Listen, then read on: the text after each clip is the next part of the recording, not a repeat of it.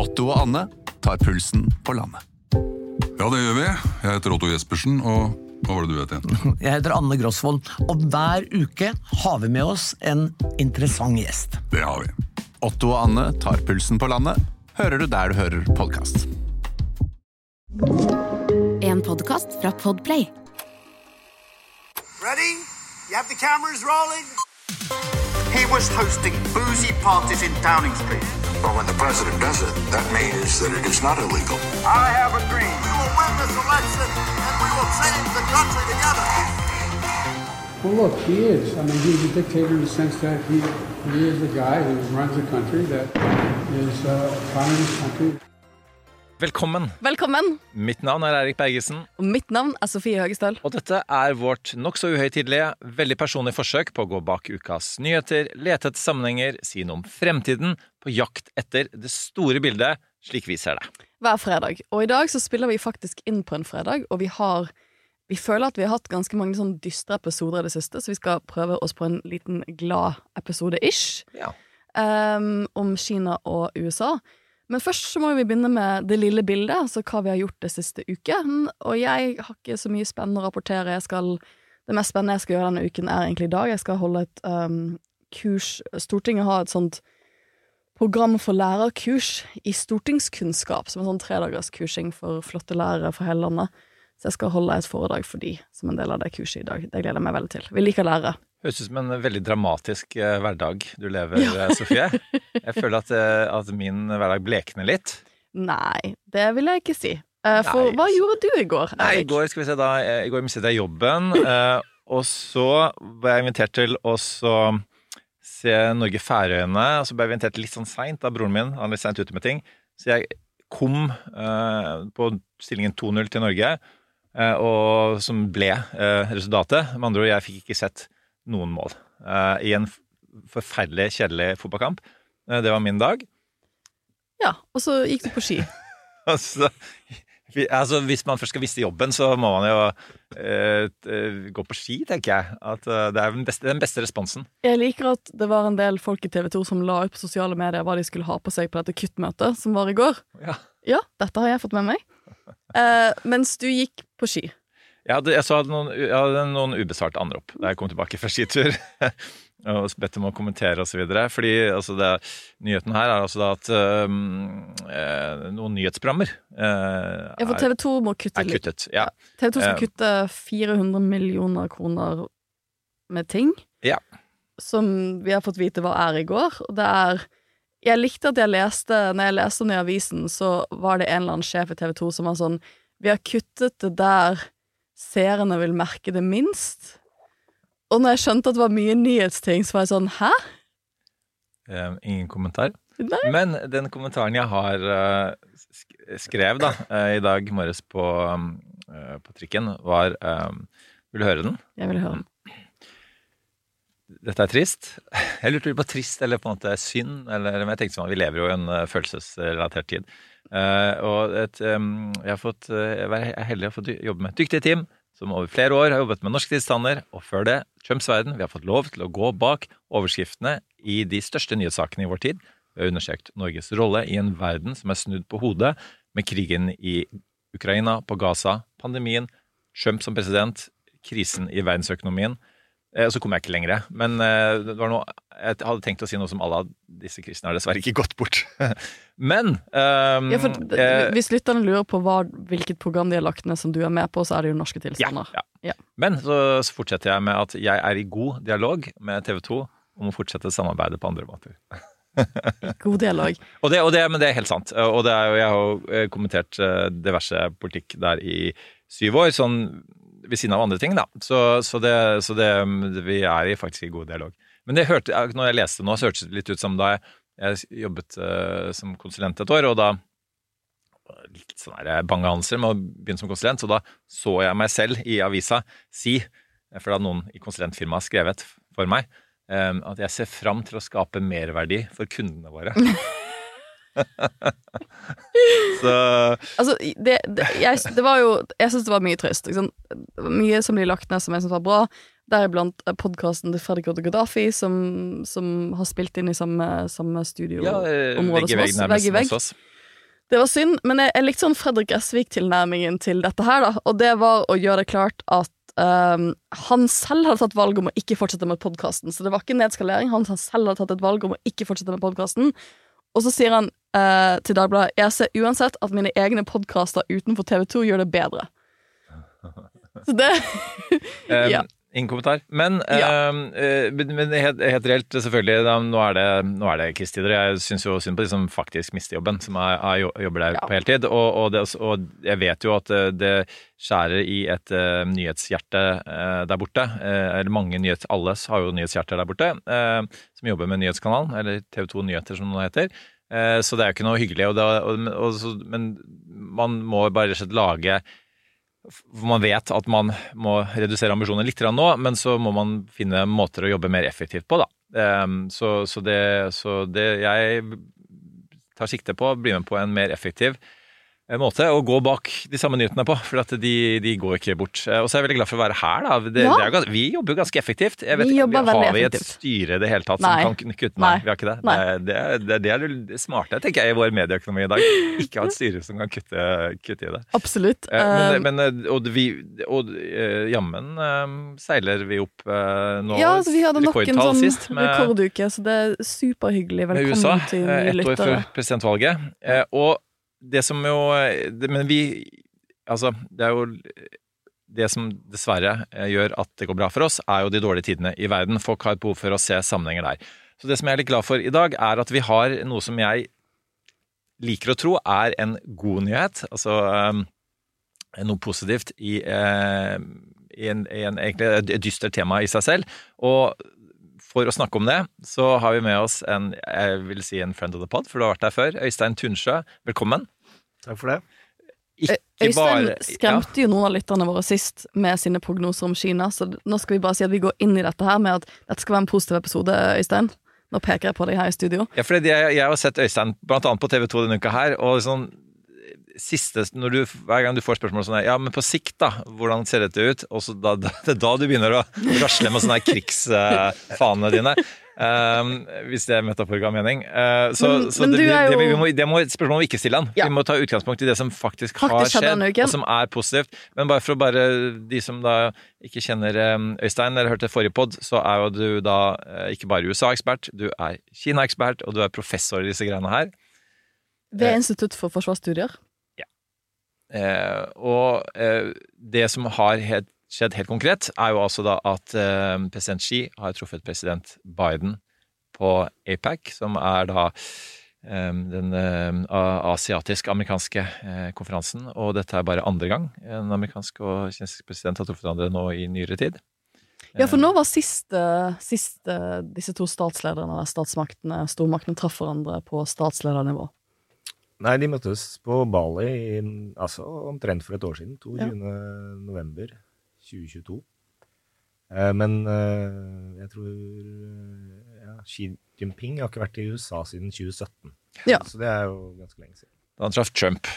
Ja. Eh, men eh, ja, altså Jeg har allerede sagt at dette er ganske gode nyheter.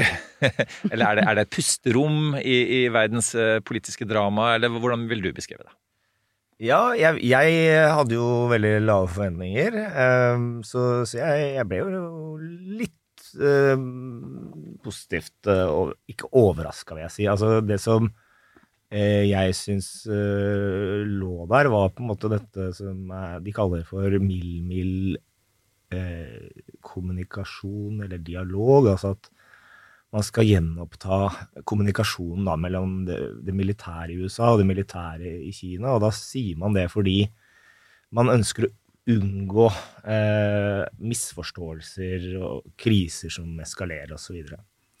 Eh, og det, det, det, er jo, og dette ble jo på en måte fryst etter at Nancy Pelosi besøkte Taiwan i sommeren 2022. Um, så, så det, det er jo en bra ting, i hvert fall hvis man er opptatt av at man skal hindre konflikt mellom disse to landene. Men jeg syns jo samtidig at det er viktig å si akkurat på det punktet at når det oppstår en krise, så, så, så tror jeg ikke kommunikasjon hindrer det. Fordi hvis f.eks. kineserne skaper en krise rundt Taiwan eh, til neste år, når det da er presidentvalg, og det, det kommer jo da på nyåret, og da da har de egentlig bestemt seg for å skape en krise, for å legge press på Taiwan, eller fordi de tror de kan få noe ut av det. Og, og uansett hvor mye dialog man har i forkant av det, så blir det en krise. Men det er viktig med, med å ha på en måte eh, kommunikasjonslinjer som gjør at du kan ta tak i en krise, fordi den går all, ikke alltid i den retningen man tror på forhånd, og, og da er det viktig å kunne snakke sammen, da. Men altså, er det sånn på, på, For de som følger da både USAs forhold til Kina og USAs forhold til Russland, så er vi nesten nå på et nivå hvor bare det også Altså Man slutta å tenke på nærmest sånn altså, et samarbeid, eh, positivt samarbeid om konkrete ting, til eh, at man skal bare unngå misforståelser om si, Armageddon. Eh, at det er positivt. Det, sier ikke det litt? Jo, men, jo det sier litt. Og, og, og, det går jo tilbake til mitt sånn utgangspoeng, da, som er at jeg, jeg tror ikke det blir så fryktelig mye bedre i årene framover. Og, og da det overordna poenget som både Biden og Xi fremhever, er jo at Nå sier de jo det, at Biden er mest tydelig, eh, men Xi også innrømmer jo det på en måte at det er en konkurranse mellom disse to supermaktene. Mm. Og det viktigste vi kan gjøre, er på en måte å håndtere den konkurransen, sånn at den ikke liksom eh, eh ja, går i en retning som egentlig ingen av landene ønsker seg, da. Men, men det er jo veldig vanskelig. Eh, men det er det overordna. Men så, hvis du tar en annen sak, altså denne fentanyl-saken med, med, altså dette syntetiske eh, opioid altså produsert av kjemikalier hvor amerikanerne sier dette kommer fra Kina, og så, så, så sier kineserne at ja, vi skal prøve å hjelpe dere litt med det og sånn, men det, det, er jo en sånn innenriksproblem i USA, ja, eh, det narkotikamisbruket. Det... det var over 100 000 som døde av dette her i, i fjor. Så jeg, jeg, akkurat der så, Det høres greit ut, de skal samarbeide litt mer. Kinesiske myndigheter kommer til å slå ned på noen sånne kjemikaliebedrifter og sånn, og si at de har gjort eh, det de kunne. Men hvor mye kineserne er virkelig interessert i å hjelpe USA med et sånt innenrikspolitisk problem, det, det gjenstår å se. Jeg har masse spørsmål, eh, men vi kan begynne med dette med lave forventninger. For det, det var en av de overskriftene jeg leste denne uken, at uh, etter denne summiten, som man så fint kaller det på engelsk, så var det en summit where low expectations were met. Og man gikk inn med ganske lave forventninger, så ble de lave forventningene møtt. Men i det verdensbildet vi lever i akkurat nå, så er, så er nok det en seier i seg selv, vil jeg si. Um, og da var det jo en rekke ting som kom ut av Eller en rekke punkter hvor de prøvde å finne um, litt altså, hvor de prøvde, prøvde, å komme til en eller annen enighet. Og jeg føler at det som ikke har vært rapportert så mye, føler jeg, kanskje norske medier, er jo at de um, skal ha kommet til noe enighet rundt klimatiltak. Og jeg syns jo det er en veldig stor god nyhet. Uh, blant annet at de uh, ønsker å samarbeide mer om å kutte methane emissions, som jeg ikke vet hva er på norsk, metanutslipp. Mm. Uh, og Kina er vel en av de største utslippsgiverne på metanfronten, og det er jo en, en klimagass som er spesielt skadelig. Eh, så det er jo positive signaler eh, at de ønsker å samarbeide mer rundt å kutte den type klimagassutslipp, og også at de skal samarbeide mer rundt fornybar energi frem mot 2030. Dette er jo et signal som, som forhåpentligvis går godt inn i eh, COP28, altså dette store klimatakmøtet som skal finne sted i Dubai senere eh, ja, om noen uker, da. Så det var en sånn positiv greie som kanskje ikke får så mye oppmerksomhet i det mediebildet vi har akkurat nå, men som jeg syns var positivt. At man, man, eh, kommer litt videre på klimafronten. For det er klart at skal man løse den klimakrisen vi står i, så trenger vi at USA og Kina eh, virkelig får fart på ambisjonsnivået sitt og gjør mye mer enn det de har gjort så langt. Og så var jo det, Den andre tingen mange trakk frem, var dette fentanyl trafficking-spørsmålet. Jeg skal prøve å snakke mye mer norsk utover i episoden nå. Men fentanyl. Dette, fentanyl, fentanyl eh, Jeg er veldig glad for at jeg ikke kan det norske ordet fentanyl, for det er jo da et narkotikum som holder på å ødelegge USA. Eh, det her VG hadde en, eh, en veldig eh, grotesk, men veldig fin reportasje om dette for noen uker siden. Hvor de hadde gått inn i noen av byene som sliter mest med fentanyl akkurat nå, og tatt bilder. Det er jo, det er jo som å se en slags sånn ja, Armageddon-aktig liksom, eh, tilnærming hvor folk ligger på gatene eh, ruset med dette stoffet. Det er, det er som zombiedop, vil jeg kalle det. Og ja. det. Det er som å gå inn i en venn som bor rett ved siden av i Philadelphia, en av disse stedene. Det er som, det er som, å, som der, det er som å gå i en sånn zombie, inn i en zombiefilm. Det minner meg om noe sånn eh, spill, sånn dataspill, hvor du er sånn zombie apocalypse-spill. Det er sånn det ser ut. Eh, og det er, veldig, det er veldig rart å se det i noe som skal være et av de rikeste landene i verden. Og det tror jeg er en av de tingene som vi undervurderer litt. Vi snakker om USA, økonomi er viktig, og, og innvandring, bla, bla. Men, men altså opiodekrisen i USA er, er noe som, som faktisk vil ha betydning. Vi nevnte det sist med, om, om, i forhold til presidentvalget. Det Mm. vil ha betydning. Det er noe som griper inn i alle familier. Absolutt, og det, det er jo faktisk noe som Trump har hatt litt troverdighet på, for han hadde jo en bror som, som døde av eh, alkoholmisbruk. For ikke snakke om Bidens sønn. Ja. ja. Så, så Trump har jo hatt det som en sånn Jeg syns ofte det kan være litt vanskelig å, å, å um, peke ut hva som er Trumps hjertesaker. Poli politikere snakker jo ofte om hjertesakene sine, men jeg vil jo si at sånn narkotikabekjempelse og alkoholmisbrukbekjempelse er noe som Trump er genuint opptatt av av denne slektshistorien som han har. Han drikker jo ikke personlig. Så det er jo noe han snakket en del om i 2016-valget og har snakket om siden. Og han snakker jo om fent fentanylkrisen nå. Um, så dette vil, vil jeg nok tro kommer til å bli et tema inn i valgkampen. Og det Biden skal ha fått kineserne til å love på dette toppmøtet, det er jo, som du er inne på, Øystein, at de skal prøve å slå ned på Man antar jo at mye av disse stoffene eh, produseres i Kina og eksporteres til USA. Eh, og at de da skal eh, hjelpe de med å prøve å slå ned på disse narkotiske nettverkene som eksporterer eh, denne dopen til USA. Men eh, jeg tror nok alle til oss tenker at djevelen er i detaljene. Hva betyr det? Betyr det at de skal slå ned på et par fabrikker? Betyr det at de skal gå mer systematisk og etter produsenter? Det er jo ikke sikkert at Kina er tjent på å hindre enn det som er en sånn type innenrikspolitisk krise for USA. Nei, altså eh, eh, Vi trenger jo å minne da lytterne på historien. Altså, det er noe som heter opiumskrigen. eh, Og det er ganske sterkt i den kinesiske bevisstheten. Hvordan Det var jo særlig britene, da, men, men også Frankrike, europeiske stormakter og USA, da, som som på en måte skapte veldig intern ustabilitet i Kina gjennom på en måte tvinge dem rett og slett til å åpne opp for opiumhandel og skap, førte til mye misbruk da på, på midten av 1800-tallet og, og ja, i, i Kina. På kinesisk side. Ja, på Ja. kinesisk side. Så, så noen vil jo peke på at det førte da også da til den ustabiliteten, eller liksom en av faktorene da, som bidro til ustabilitet, og som svekket eh, dynastiet i, i Kina. Og, og sånn sett så, så tenker jeg at kineserne Ja, vi skal gjøre litt, men eh, det, er- jo ikke helt krise for dem om, det går litt dårlig internt i USA.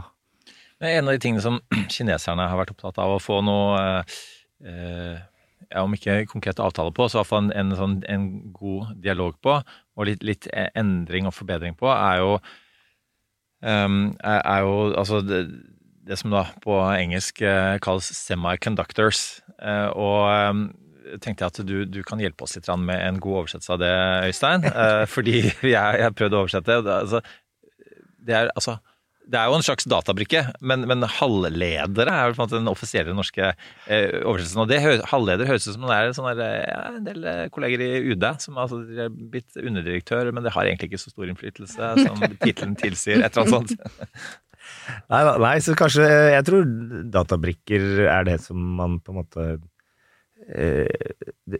For meg, på en måte, så tenker jeg at det gir best forklaring. Altså, dette er jo knøttsmå eh, databrikker som man setter inn i ulike eh, teknologiske komponenter. Alt fra elektriske biler til eh, til eh, ja, Supercomputere. supercomputere, og ikke minst, som jeg tror altfor sjelden kommer fram i mediebildet, men i avanserte våpensystemer. Systemer.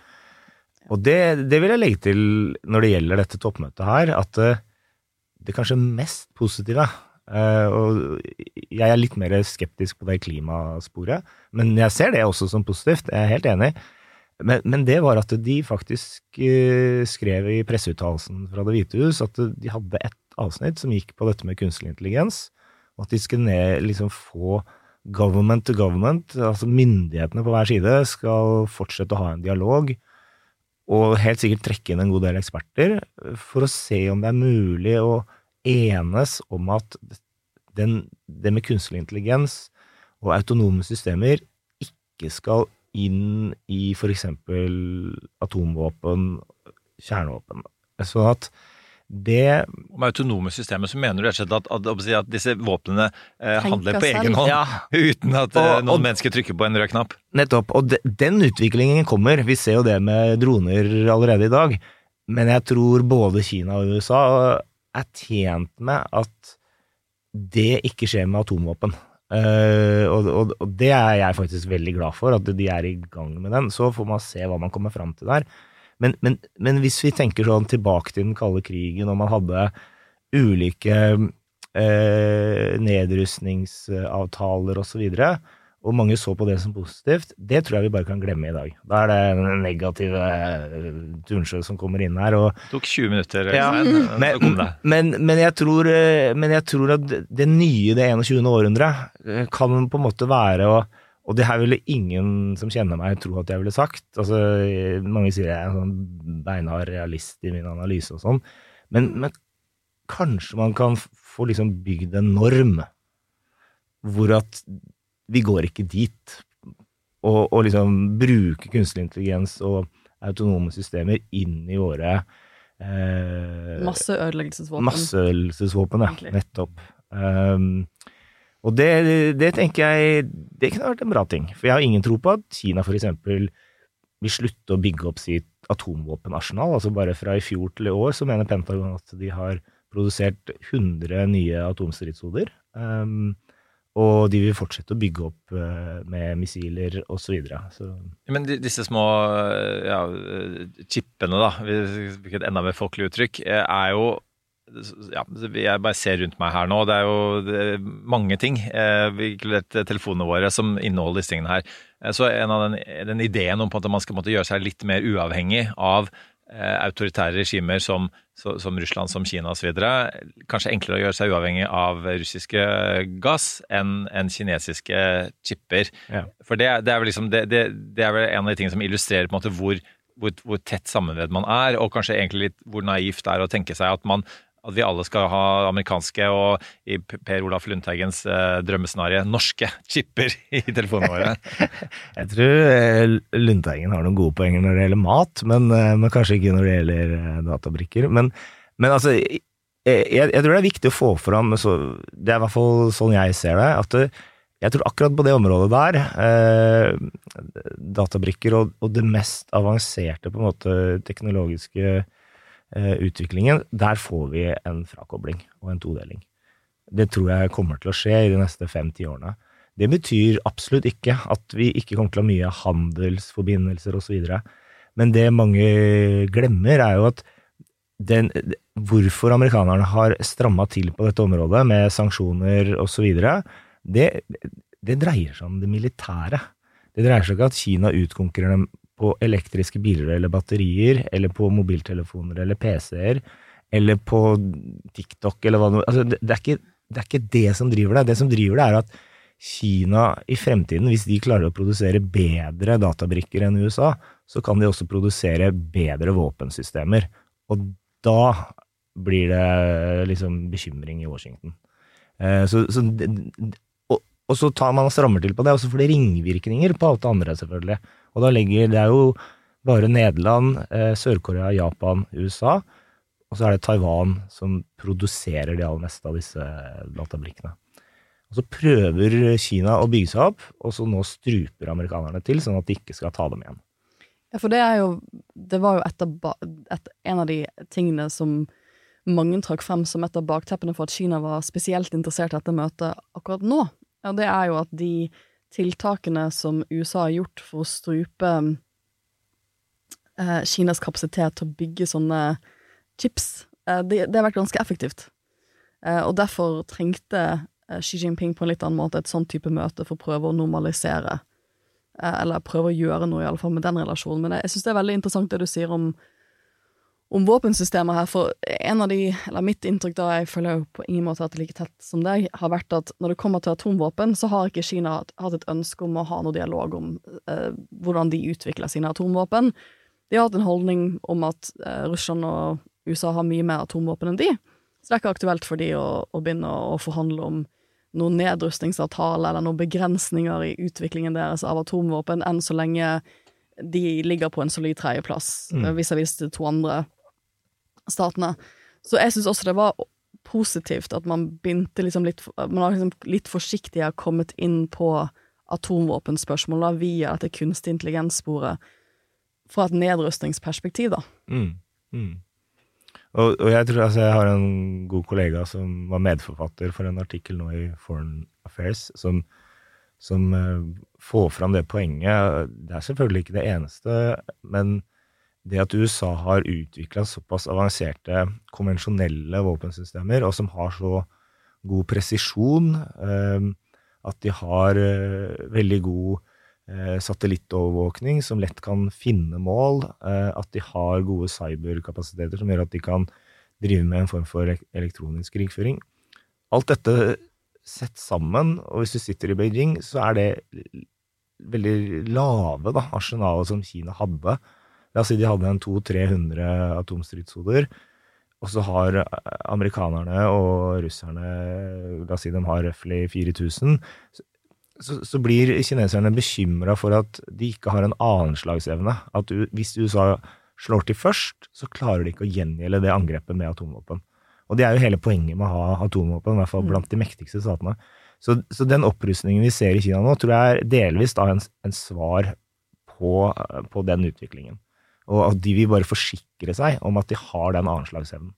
Um, så, så jeg tenker ikke at det er det skaper jo ringvirkninger, men det, det er ikke det mest alarmerende Uh, med den militære oppbyggingen til, til eh, Kina. Apropos det militære, så forstår jeg også at en av de tingene de har blitt enige om eh, på toppmøtet, er at eh, man skal eh, på reinnføre den militær-til-militær-dialogen. Altså at, at, man, eh, at militære ledere skal, eh, skal snakke med, direkte med hverandre for bl.a. å unngå disse misforståelsene og kanskje skape større forståelse som, som kan bidra til, til andre ting. Mm. Hva, hva ligger det i det? Det er jo gode nyheter. Ja, det er gode nyheter, og vi var jo litt inne på det tidligere. Så, så, så jeg tenker at det, den gode nyheten der er egentlig ikke at det skal bli misforståelser i utgangspunktet, fordi jeg mener at det er ikke misforståelser, egentlig. Eh, Det er en bevisst eh, politikk eller en bevisst strategi. Men, men så, når man da skaper en krise, og det oppstår en hendelse, så er det jo viktig at uh, hvis man bruker det for å legge press på en motpart, så er det veldig viktig at den ikke eskalerer videre, sånn at det blir en konflikt eller en krig som man i utgangspunktet egentlig ikke ønska.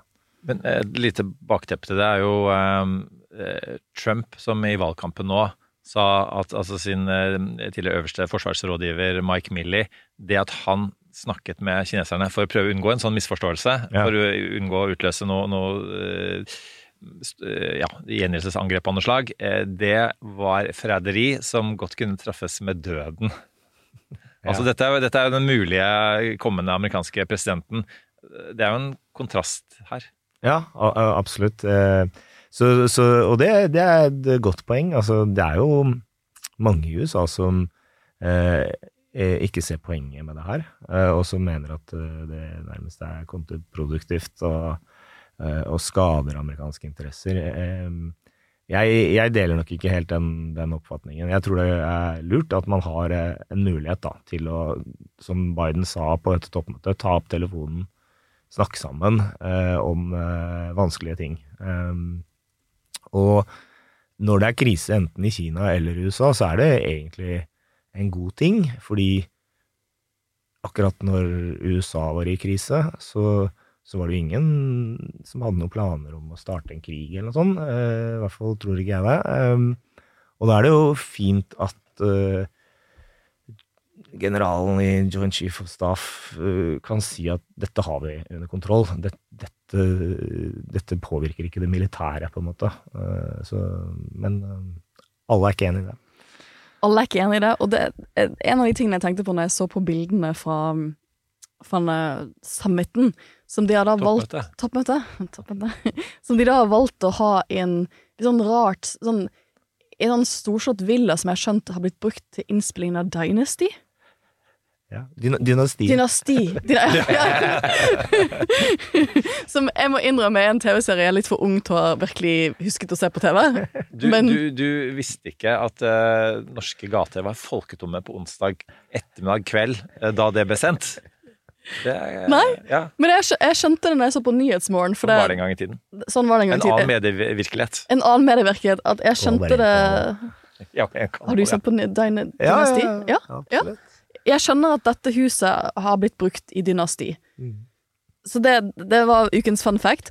Men jeg tenkte litt på når jeg så på bildene, at, at um, her har du to stormakter, altså verdens to stormakter, som er en litt sånn interessant tid innenrikspolitisk for begge to. For Kinas del så har jo de vært gjennom et økonomisk vanskelig år. Mye ungdomsarbeidsledighet som de strir med, og et boligmarked som har hatt store utfordringer, og en slappere økonomi på vei ut av covid enn de kanskje har trodd.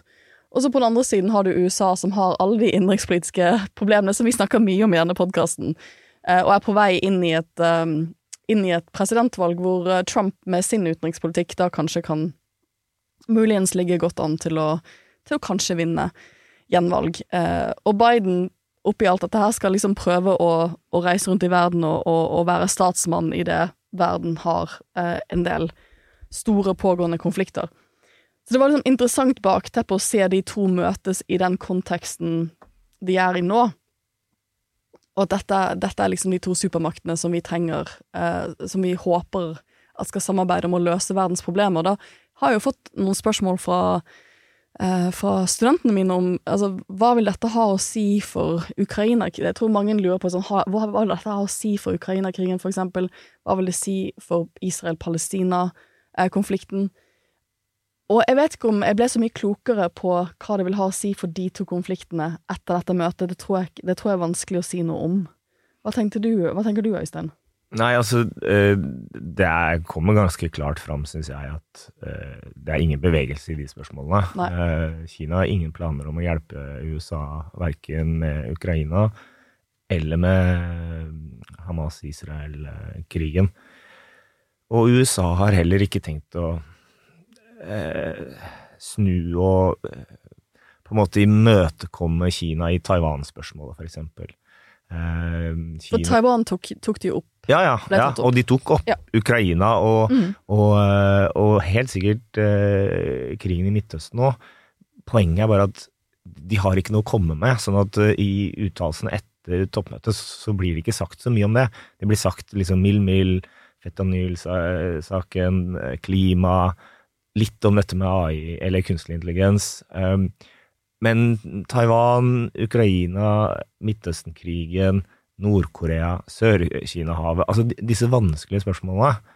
Eh, og også altså dette med databrikker. Ikke sant? Det, det, det ble ikke tatt opp noe særlig sånn. Men hvis jeg får bare kaste inn eh, en ting som Det er to ting jeg har lyst til å få med her på slutten, eller jeg vet ikke hvor mye tid vi har igjen. Slutten, du liksom. Nei, nei. Så vidt i gang. Men, men, men, la oss, men la oss ta den, den først, altså. Fordi det var jo direkte ting som ble sagt på pressekonferansen etter toppmøtet. Og da, da, da sa jo Biden igjen at Xi Jinping er en diktator. Uh, og det, Ja, det fikk han spørsmål fra Ja, han prøvde å spørsmål. unngå å si det. Ja. Og så fikk han spørsmål fra journalist. og så da gjentok han at han, sant, han hadde sagt det en gang tidligere. Men nå så han utbroderte lite grann. Han sa jo nå at eh, han er en diktator fordi han er leder av et kommunistparti som, Et annet type som styrer Kina. Så, så han prøvde å ikke gjøre det så personlig, på en måte, sånn jeg leste det. Men Men, da kineserne ble jo bare Ja. rasende med en gang. Ja, for, da, det ble liksom, for det var nettopp da, altså, det hans forståelse av kommunismen Ja. de, da, de da på en måte irettesatte. Ja. Dette er et sånn oppriktig spørsmål fra min side. Hvorfor blir de i alle fall offentlig så rasende over en merkelapp som altså Hvis du skal være statsviter og putte merkelapper på ting, så hvorfor er det en så grotesk merkelapp for dem? Nei, altså jeg, jeg tenker bare at de, de liksom ønsker ikke at Xi Jinping skal bli sammenligna med liksom jeg, jeg, jeg, skjønner det jo litt. Altså, diktator, så tenker jeg på en måte Stalin og ja, kanskje Mao. Altså, det kan hende Xi Jinping liker litt akkurat den Mao-sammenligningen, men, men, men det, er jo på en måte noe stygt, fælt og grusomt uh, knytta til det. Og, og en veldig sånn hensynsløs uh, leder. Uh,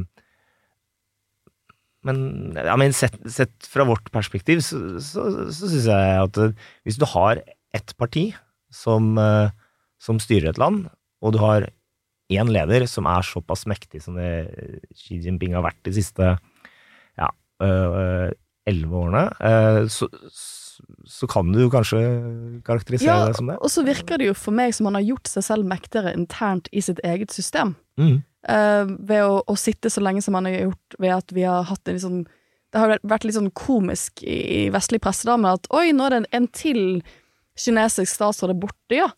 Ja, jeg, hva skjer med han, liksom? Hvor er den personen? Og så, og så kan vi jo le litt av det, men, men det er jo um, Det virker jo som han har også strammet inn virkemidlene han har internt i sitt eget parti, da, på en måte som jeg ikke ville si er Selv om man kan si Selv om sikkert noen ville altså, man, Jeg hadde nok hatt noen kinesiske venner som ville sagt at det er en demokratisk form å ha det partisystemet og du, det, det er mekanismer der for å bli liksom valgt og tillit og sånne ting.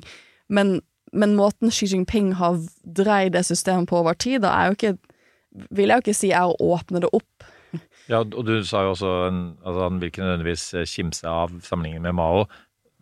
I, man trodde før at Deng Xiaoping var liksom sånn en samling han likte, men, men altså bare det at han den, måte, De likhetene som er enda lenger tilbake i tid, mm. er jo eh, interessant eh, og kanskje skuffende for Vesten. Mm. mm. Den, den, den, andre morsomme saken som jeg leser om på vei hit i morges, fordi eh, etter toppmøtet så var det et sånt uh, Næringslivet fikk møte Xi Jinping, uh, og, og, så er det For det var en av tankene her, at man skulle liksom revitalisere litt sånn næringslivsopplegg. Så det var, ja. ja det var masse næringslivsgreier. Og... Kineserne prøvde seg på en, en liten frekkis der, fordi det de egentlig ønska seg, var at Xi Jinping skulle møte disse næringslivsrepresentantene, men det er også andre selvfølgelig representanter som jobber for mer en sånn engasjement og samarbeidslinje i forholdet USA og Kina. Eh, så de ville gjerne ha den middagen først, og så skulle Xi Jinping møte Biden etterpå. Fordi det ville jo vært veldig sånn Her kommer jeg til USA, men jeg møter ikke presidenten, jeg møter liksom Næringslivet, næringslivet mm. først. Men Det, det, det, sa jo Det hvite huset at det, det skjer ikke. Um, og så hadde de toppmøte, men nå hadde han jo det, det møtet nå i, i, går. Og da, da var det sånn at Eh, på det beste bordet så var det 40 000 dollar, eh, og, og litt sånn nede i Bunnefjorden og litt dårligere bord, så, så, så var det 2000 dollar. Eh, så lurer jeg på hvor stort det 40 000 dollar-bordet er. Det er altså da folk som har betalt 40 000 dollar for ja. å være på det bordet? Ja. Og så, har det vært masse Næring, diskusjon, altså. Ja, masse diskusjon om det. Og så var det noen som sa liksom hørene her, altså, dette er jo egentlig ikke så ille. Når Biden hadde en sånn fundraising-middag i, i California, eh, så kosta det mellom 50 og 100 000 dollar å, å, å få en plass eh, rundt bordet. Så, så altså, pengene sitter løst i disse store selskapene, eh, og mange flere enn de som deltok, eh, ville sikkert ha vært med og sånn. Men det som har litt, blitt litt av den store saken her, er jo at det, det, var en stående applaus uh, for Xi for Jinping. Xi Jinping. Ja. For næringslivet. Ja, ja og, og, og, mange reagerte på det, da, og syntes at uh, når presidenten har kalt dette, denne personen for en diktator, og alle er jo selvfølgelig ikke enig i det, men da går man kanskje litt langt hvis man uh, har stående applaus. Men, men det, det, er veldig morsomt, for her ser man jo også litt av den forskjellen. Som, som du sier, Det er jo store innenrikspolitiske spenninger også rundt hvordan USA skal tilnærme seg Kina innad i USA, særlig fra næringslivet, som ikke ønsker, som ikke ønsker en del av det, altså den politikken som særlig Trump, da, men også da Biden til dels har stått for. Uh, så det, det, er et sånt godt bilde på, på, på kanskje noen av de spenningene. Jeg synes også, litt tilbake til det du, du begynte med, for nå snakker vi om konkurranse. Eh, og næringslivet, da snakker vi også om konkurranse.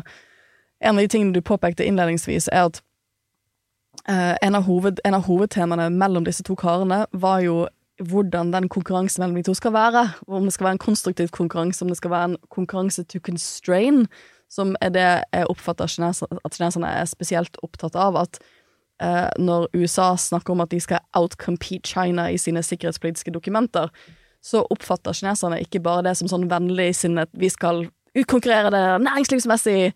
De oppfatter det også som egentlig å si at vi skal ikke bare utkonkurrere dere, vi skal, liksom, vi skal, vi skal rett og slett prøve å begrense deres fremvekst. Dette skal ikke være sånn vi, vi, vi, det, det, er vår politikk. Det er ikke bare et konkurransepolitikk, det er politikk for å begrense eh, at dere tar deres rettmessige plass i verden som en sånn større supermakt sammen med oss.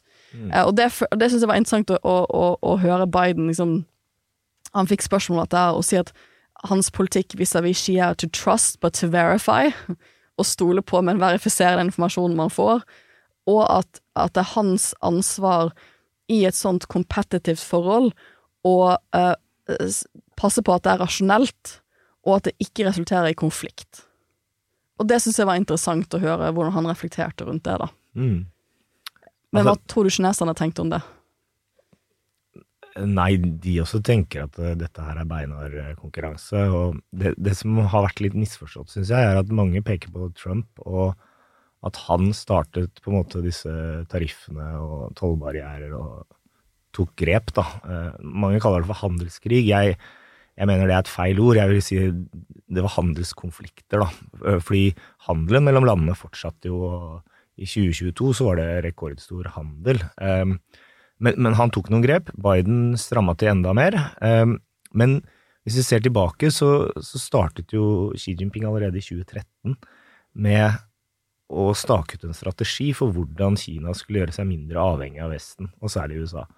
Og den strategien den startet i 2015 med det de kalte Made in China, og den skulle vare i ti år. Og i løpet av ti år så skulle Kina bli ledende og, og på en måte selv kunne produsere på ti ulike viktige teknologiske områder. Så, så, her er det liksom begge som er helt tydelige og klare på at eh, det er full konkurranse mellom oss. Og det er om å ikke være for avhengig, og det gjelder å få fortrinn. Og jeg, i noe av forskningen min, så kaller jeg dette for hyperkonkurranse. Eh, og det er bare for å skille konkurransen fra sånn som det var, eh, la oss si i 2001, da, når USA Kina, dere kan være med i WTO.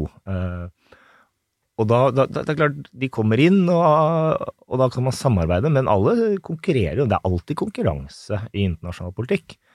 Eh, men da, det kan sammenlignes med da konkurrerte de på en måte i et maratonløp, da. Så de løper ved siden av hverandre.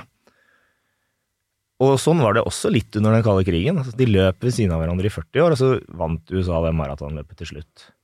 Men den konkurransen vi ser i dag mellom USA og Kina, det, den, den, de løper også om kamp. Men det er litt mer sånn som en rugbykamp, hvor de dunker inni hverandre hele tiden.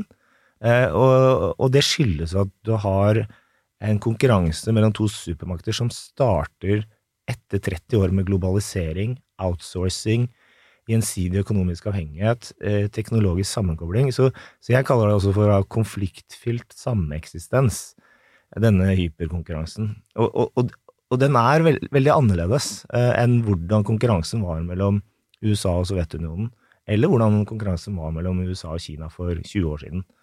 Så, så man har liksom eh, Og det, det, er vanskelig å på en måte tilpasse seg det, og, og, og denne middagen med alle disse næringslivsfolka illustrerer det, fordi de største selskapene i Kina de tjener fortsatt masse penger i Nei, største selskapene i USA tjener masse penger i Kina. Så, så det er veldig komplisert å, å konkurrere og, og, være i en rivalisering, og e, egentlig også på mange områder er det i en form for konflikt. Og det, en konflikt betyr ikke i mine øyne en krig. Det, det, kan være en konflikt på en arbeidsplass, som kanskje det er hos TV 2 eh, etter at man skal kutte så mye som man skal. Ingen kommentar. Nei. Eller det kan være en nabokonflikt, at man er uenig om om man skal kutte tre og hvor nærme gjerdet skal stå. Altså, så, så, så, så, man kan ha konflikt, og jeg tror det er sånn vi skal tenke på det, at det er ikke bare en en konkurranse. Da. Det kan være konkurranse mellom naboer òg. Skal gå fortest i Birken og sånn. Men, Men, men, men, så kan det plutselig utarte seg til en nabokonflikt, uten at de er i krig, da. Uten at de har begynt å skyte på hverandre. Fordi naboer kan gjøre det òg. I USA iallfall. Ja, i USA.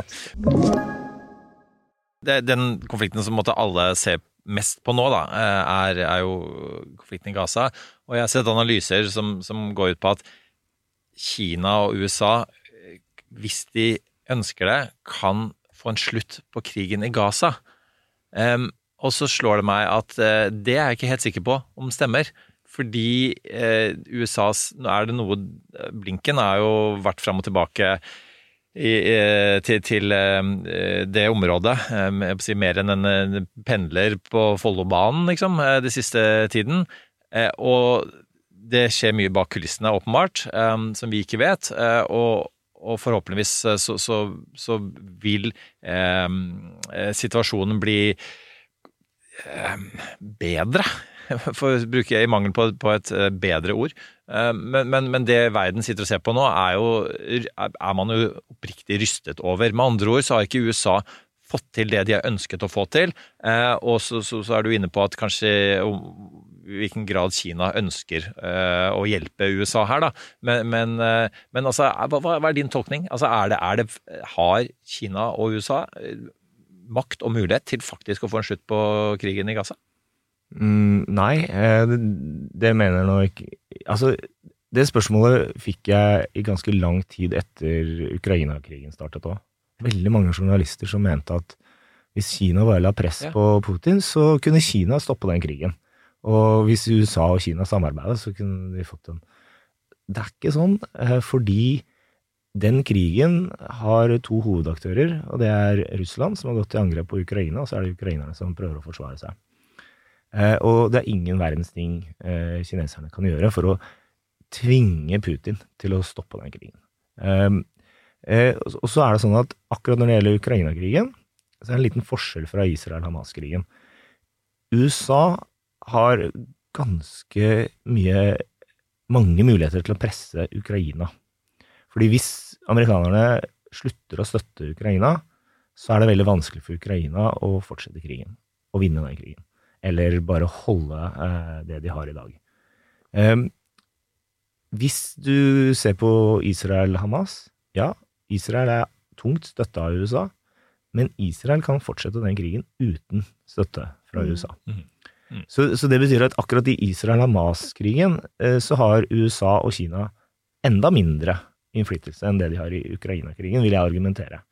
Det betyr ikke at USA ikke har mye innflytelse over Israel, men det angrepet 7. oktober har skapt en situasjon i Israel som, som gjør at det er helt umulig å stoppe dem. Eh, de eh, kommer til å bruke militærmakten sin til å prøve å skape den sikkerheten de mener at de fortjener. Og det går selvfølgelig grusomt utover sivilbefolkningen i Gaza. Men, men, men, det er ikke noe amerikanerne eller kineserne kan gjøre for å stoppe den israelske militærmakten i å gjengjelde det angrepet de ble utsatt for 7. Eh, oktober. Ja, fra Kinas side vil det eventuelt være måte, å snakke med Teheran, som skal snakke med Hamas, som dermed av den grunn skal ja. stoppe. og det, det, virker jo like illusorisk. Ja, ikke sant. Altså, kineserne har ikke den innflytelsen. Nei. Så mye. Ja, Kina har innflytelse på Iran, og de kan lene seg på Iran og si sånn Vi ønsker ikke en storkrig i regionen fordi vi har interesser her knytta til oljeimport fra Midtøsten osv. Men alt i alt så, er ikke det nok, eh, fordi de andre aktørene har så mye, mye større eh, på en måte eh, Ja, de, den konflikten betyr så mye, mye mer for dem, da. Så, så det, det, er liksom lett å glemme det, selv om USA og Kina er veldig mektige Eh, og mye mektigere enn alle andre stater i verden, så er det ikke sånn at de bare kan trykke på en knapp og få det sånn som de vil. Viktig avklaring. Jeg syns dette er en veldig viktig presisering, for det er lett å glemme um, når man snakker om stormaktspolitikk, og, uh, og det er lett å sånn overhype betydningen av stormaktspolitikk for en del uh, for en del andre konflikter, da. Mm. Um, og vi, vi, kan jo da, jeg syns det er naturlig nå å gå litt innom hva er det som skjer i Israel-Palestina-krigen denne uken. Og du, du, ser jo som, litt det du er inne på, at dette er jo så sterkt følelsesmessig. Det, det rasjonelle, sånn geopolitiske virkemidlet man kan bruke, er ikke i spill når krigen er så fundamental for begge sider. Det har vi snakket om i podden i mange uker nå. Jeg syns det var veldig slående å se Yamavol al-Smals eh, intervju med en Hamas-topp på en som ble store overskrifter av i går, eh, naturlig nok. Uh, Yama viste seg nok en gang til å være en sånn verdens, en, virkelig en journalist i, i, i verdensklassen. For han uh, konfronterer jo da Hamas med, uh, med de grufulle drapene på sivile 7. oktober, hvor Hamas-toppen sier men vi, vi gikk bare etter militære mål, vi har ikke drept sivile, og så viser han en video av det, og så liksom prøver han nok en gang å benekte. Men det viser jo liksom, det, han, hans hovedbudskap er til Yama, er jo at dette var vår måte å blåse i liv den frihetskampen vår nok en gang. Det var det 7. oktober handlet om for oss. På den andre siden så har du eh, Benjamin Netanyahu, Netanyahu som eh, holdt pressekonferanse eh, i eh, Ga et større TV-intervju i Israel i går, som da sier at han har altså, at, noe i den effekt at de, liksom, de anerkjenner at de ikke har lykkes i å minimere tallet på sivile ofre, som er en the understatement of the year, eh, gitt, eh, gitt eh, det sivile tapet vi har sett på Gazastripen de siste fire ukene. Så begge partene er, er jo låst inn i så Jeg syns det er sånn ganske fascinerende å, å prøve å se eh, Prøve å følge liksom rasjonaliseringen fra begge parter her, eh, og, og, tenke, og prøve å forstå hvordan skal man komme noe videre. Det, det virker som fra Israels side så er det De kan anerkjenne at de har, liksom, det er store sivile tap her, men for deres del så må de utslette Hamas på Gazastripen, og det, det vet vi jo alle at vil medføre store sivile tap for at det skal skje. Og så har du på den andre siden Hamas som ikke vil anerkjenne hva de gjorde 7. oktober, eh, og, og, og Hamas-topper som ikke ser ut til å bry seg om at den, det de har gjort, fører til enorme sivile tap på, tap Gazastripen nå. Og der står partene. Og så ser vi også at uh, USA ikke har lyktes uh, med, av flere ting de ikke har lykkes med, er å fortelle Israel at uh, å på en måte å ta igjen eller gjengjelde for et, et, en, en type hendelse à la uh, 7. oktober, à la 9-11, det er ikke gitt at, at, at en ren militær operasjon eh, er det som vil eh, hjelpe mest. Eh, Man må på et eller annet tidspunkt eh, så tidlig som mulig lansere en eller annen type politisk prosess.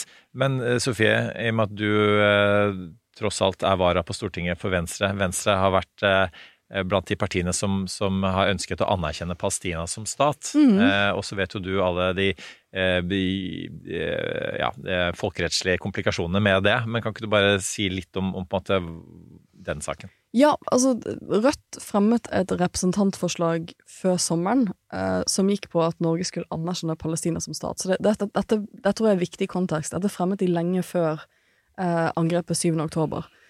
Men eh, Stortinget tar jo en lang sommerferie, eh, så den saken har ikke kommet opp til avstemning på Stortinget før denne uken her. Eh, og da partiene måttet ta stilling til om man skal anerkjenne Gaza i den stasjonen, eller Gaza, om man skal anerkjenne Palestina i den stasjonen man befinner seg i nå. Og fra Venstres ståsted så er det egentlig litt enkelt, for vi har eh, programfestet det i vårt partiprogram at vi ønsker å anerkjenne Palestina som en stat. Så hvis våre stortingsrepresentanter ikke hadde stemt for det Rødt-forslaget, så hadde vi egentlig stemt på tvers av partiprogrammet. Jeg syns det er sånn prinsipielt viktig Det er jo selvfølgelig slik at når man lager et partiprogram, så skjønner man at det er mye som kan skje i en fireårsperiode som gjør at man må justere kurs. Det er gitt. Men jeg føler at hvis du er, først er folkevalgt, eh, så er jo det som partiet har kommet fram til som et partiprogram, ganske viktig. At det skal ligge som en sånn retningssnor for hva du skal gjøre. Men det, har, det er jo klart at det, det var jo diskusjoner innad i partiet hvordan vil en sånn type For dette, dette forslaget vil nok, lå ikke an til å få flertall før sommeren når det ble fremmet. Det er jo et prinsippforslag fra Rødt. Eh, men, men hvordan hvordan, hvordan skal vi forholde oss til det nå som alt dette har skjedd? Og da landet partiet på at det er riktig prinsipielt å anerkjenne Palestina. Vi, vi mener at det ikke har endret seg eh, ut ifra det vi tenkte, partiet tenkte om saken eh, da vi lagde partiprogrammet. Eh, men det som var interessant, for det er jo klart det er ikke et flertall på Stortinget for å anerkjenne Palestina. Eh, eller det er det hvis Arbeiderpartiet følger sin egen politikk, men Arbeiderpartiet er i regjering nå. For Arbeiderpartiet sa at de, hvis Ja. de kom i regjering, eh, Ja. så ville sist, altså da Sist da de ikke kom i regjering, Mm. eh, at de ville gå inn for å anerkjenne Palestina som stat. Og så var gjør de det likevel ikke nå. Jeg var nok skeptisk til det når de sa det, for jeg føler at det er jo litt sånn typisk at partiene, begge de store partiene, sånn Høyre og, og, og Arbeiderpartiet, som reelt sett er de to partiene som veksler på å ha utenriksministeren i Norge. Det er jo litt klassisk at de sier én ting i opposisjon, at nei, men da skal man gjøre sånn og sånn og sånn. Og så kommer du der, og så sitter du i posisjon, og så, og så For det er jo rent sånn juridisk så er det ikke Stortinget som anerkjenner stater i Norge, det er det regjeringen som gjør. Så det, det at Stortinget ville gjort det, har, har ikke så mye å si. Det er regjeringen som driver den biten av norsk utenrikspolitikk. Um, så når du da plutselig sitter der og er utenriksministeren, så ser ting ofte litt annerledes ut. For da har du jo helt, hele dette embetsverket i UD, og du har jo masse innsp... Det, det er jo gjerne sånn det er. Da, da, da, selv om man tenkte noe når man var i opposisjon, så er det litt vanskeligere å gjennomføre, viser det seg, i posisjon. Så jeg var nok Jeg, jeg husker at Arbeiderpartiet lovet det, så jeg tenkte sånn det, det, det blir spennende å se om det skjer. Eh, og det har de ikke gått inn for. Men man kom med en kompromissforslag, og det kompromissforslaget som man gikk inn for på Stortinget, det tror jeg aldri hadde skjedd uten stor folkelig mobilisering. Det, det må jeg virkelig si. Det tror jeg aldri hadde Det som skjedde, var at eh, når, når dette ble diskutert i utenrikskomiteen, så var det ikke et flertall av partiene som ønsket å støtte en anerkjennelse av Palestina som stat. Og så, bli, og så kommer en, og når en sånn innstilling blir offentliggjort, så blir det offentlig hvor, dette, hvor landet ligger her. Og da så man et voldsom mobilisering eh, på dette spørsmålet, eh, og et, et sånn voldsomt press, særlig på Arbeiderpartiet, da, om å følge det de hadde lovet før. Og da kom man opp med et kompromissforslag som fikk et flertall, som er et litt sånn ullent kompromissforslag, for det går ut på at man skal anerkjenne Palestina som stat når det er naturlig vis-à-vis hva som skjer i fredsforhandlingene, og da er jo spørsmålet det, det blir jo veldig subjektivt hvem skal ta de beslutningene der, men det er jo noe mer forpliktende enn det som har vært tilfellet før i norsk politikk. Så det, det kan høres ut som en liten greie, men jeg føler at det viser jo at folkelig mobilisering vis-à-vis Stortinget faktisk fungerer. Vi skal eh, lande eh, USA-Kina-episoden vår veldig straks. Um, ja, du, du ville Jeg vil bare også, skyte inn veldig kort Ja. at det, det jeg sa da om handlingsrommet til disse to supermaktene eh, Når en konflikt etter hvert da liksom står fast, og man skal holde for Før eller siden så må man finne en politisk løsning, som du var inne på.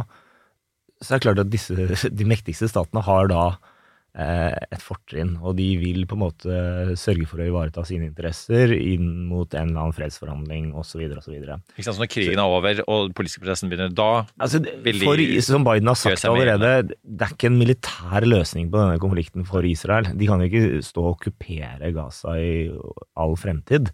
Så, og, og når da man skal finne en eller annen avtale, øh, som også Sofie var inne på, så da vil USA, og kanskje også Kina, komme inn, og, men også andre aktører, komme inn. Og da, det, er, det er jo da man merker liksom hvem som er de mektigste statene, og hvem som kan legge mest press. Og, og de vil jo søke en sånn fredsforhandling som er i tråd med dem sine interesser. Mm. Og Biden har jo nok en gang denne uken vært ekstremt tydelig på at han mener at en tostatsløsning er den eneste veien fremover, og at en, altså en fullskala okkupasjon av Gaza av Israel ikke er bærekraftig.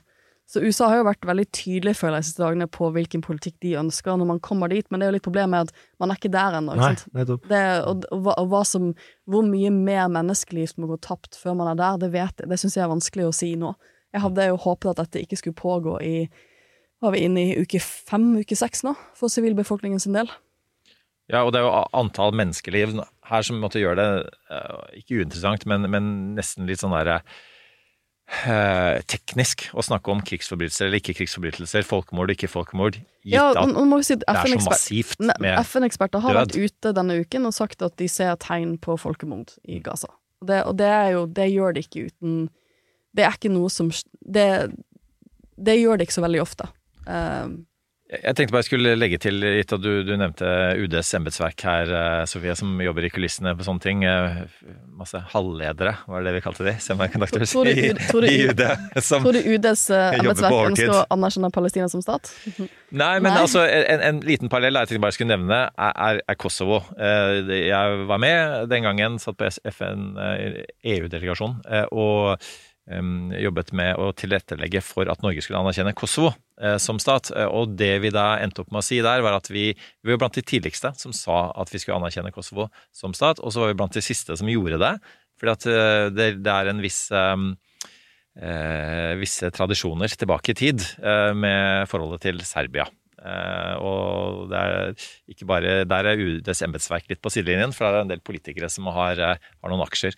Eller var det. det og, og, og klart, men, men, men, det som er forskjellen var at der var det en type sånn statsdannelse man kunne anerkjenne, og det er det enda ikke eh, når, i, i Palestina. Det er en forskjell. Samtidig så eh, Politikk er eh, kanskje heldigvis og dessverre noen ganger ikke bare å, å, å vedta ting og, lage avtaler, men, men, å gi noen signaler. Og jeg tenker at det er et utrolig viktig signal å gi eh, til, til ikke bare norske Eh, befolkningen, men også andre som er, som, og hele verden, som har engasjert seg så veldig følelsesmessig i dette her, og si at vet du hva, det, vi, vi, dette, er, dette, er, et veikart fremover. Dette skal faktisk skje på et eller annet tidspunkt.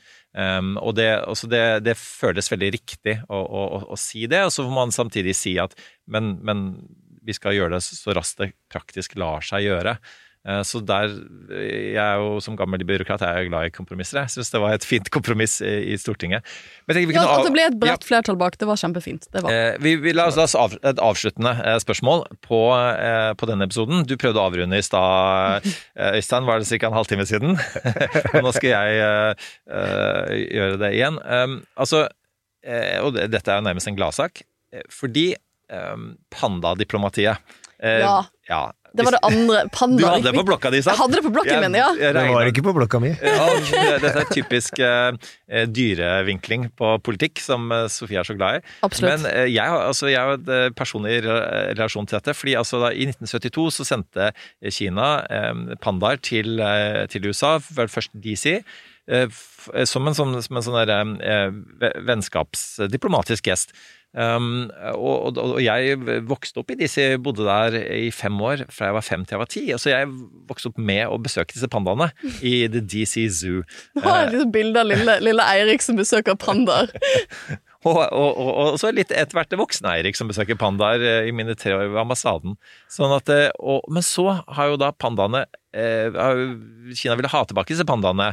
De har, det var jo denne måneden her reiste jo de siste pandaene med fly tilbake til Kina. Men gladnyheten, for det er jo flere, eh, flere, eh, flere, dyrehager i USA som har hatt disse pandaene. Eh, og så sier Rashi, som en gladsak altså, på, på, dette toppmøtet, at han har registrert hvor lei seg amerikanerne er for at pandaene må dra, og han ser for seg at pandaene skal få komme tilbake til USA. Mm. kommentar til det. Øystein Tunsen. Nei, uh, jeg vet ikke hva jeg skal si. Jeg, jeg har ikke så mye tro på pandadiplomati, at det skal utgjøre noe særlig forskjell. Uh, men, uh, men, det er jo veldig hyggelig. Det er en gest. Det er en gest, det er det. Så Nei. Um, og Ski har jo åpenbart engasjert seg personlig. Ja, og, og, da kan man jo kanskje også forvente at, at det kommer til å skje. Så da har du en mulighet til å gå i dyreparken når du drar tilbake til Washington. Men det som er en fun fact her, er at det er ulovlig i Kina å sammenligne ski med en annen bjørn, eh, Ole Brumm. Mm. Fordi han ligner jo litt. Men, det liker han ikke å innrømme. Det var fint. Nå fikk jeg sagt det, og da kom jeg på det. Altså, det er jeg jo litt enig i, når jeg har sett bilder av ski tidligere. Men på dette toppmøtet så syns jeg det var litt mer skrall Xi Jinping. Altså, sånn, han må ha gått ned en god del i vekt. Ja, det tror jeg også. Han liksom og må, det kan hende han bare altså, prøvde å være snill eldret. med Biden. Altså, ja, altså mye eldre. Altså, Fordi når de gikk sammen fra bilen og inn til uh, dynastiet, på en måte, i det huset, så, så syns jeg liksom de var to gamle karer. og, og det, det, det, som var mest slående, var faktisk at han skulle ned trappa på flyet. Fordi da kom jo først Altså, TV-bildene var først Xi Jinping ned trappa som har skjedd her, tenkte jeg. For jeg syns han, eh, han, var litt mer skrall. Og så kom Biden etterpå, så tenkte jeg sånn herregud, dette kommer ikke til å gå bra. Men, men han klarte seg ganske bra denne gangen her ned eh, trappa fra flyet. Og da, da liksom ja, det var ikke så altså, Så kanskje det var en høflighetsgreie at han gjorde seg selv eldre for at Biden ikke skulle føle like stor forkleinelse rundt sin egen alder? Jeg tviler på det, altså. Men uh, Kan det være at det bare work-life balance som diktator er, ja, er vanskelig? Ja, nei, er vanskelig å få i synk. Jeg tror det. Altså, nå altså det, Han har jo da sittet siden 2012, og vi skal også huske at årene før 2012 var ikke enkle. Det var liksom den maktkampen med Bouchelai og alt det som skjedde da. Um, og så de elleve årene etterpå. Snart tolv Altså, det, det, det, det har, det har kosta. Uh, Det har kosta, og, det- og det gjør det også å være amerikansk president, så vi får se hvem av de som fortsatt er statsleder om fire år. Det blir eh, spennende. Min, mine penger er nok på Xi Jinping mer enn Biden der. Uh, med det så runder vi av episoden og går til ukens av- og påkoblinger.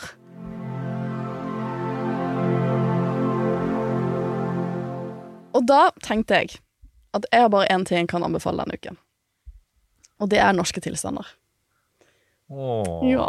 Uh, denne uken så gjorde dere en superepisode om AI med my, min bestevenninne Ishita Barua, uh, som jeg syns var veldig spennende. Og det viser jo behovet for å ha denne type nyhetsprogram som uh, løfter seg litt opp fra det som hektiske nyhetsbildet, og setter fokus på viktige store og små saker av, av stor samfunnsinteresse. Så jeg vil anbefale at eh, man går inn og ser på Norsk tilstander. De, episoden ligger jo der på TV2 Play.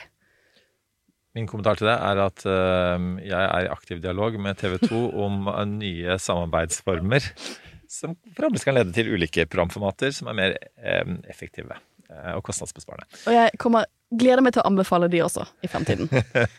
Eirik?